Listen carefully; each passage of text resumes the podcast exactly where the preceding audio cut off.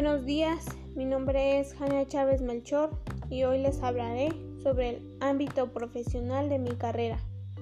Campo laboral de un licenciado en Derecho con enfoque de pluralismo jurídico en el ejercicio de su profesión puede desempeñarse como abogado defensor y representante de personas físicas y morales en contextos urbanos y rurales sociedades, ejidos, comunidades y pueblos indígenas ante los órganos de acceso a la justicia, juzgado municipal, agencia de ministerio público, juzgados federales, estatales e incluso instancias internacionales.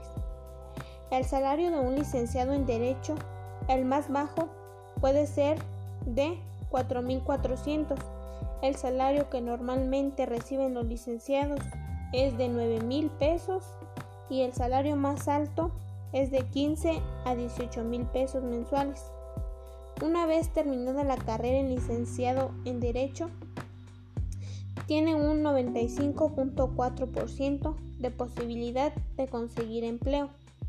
Las tres entidades que tienen el mayor porcentaje de abogados en el país son la Ciudad de México con el 23.4%, el Estado de México con el 13.7% y Jalisco con el 9.8%, que concentran un conjunto de 46.9% de profesionalistas ocupados.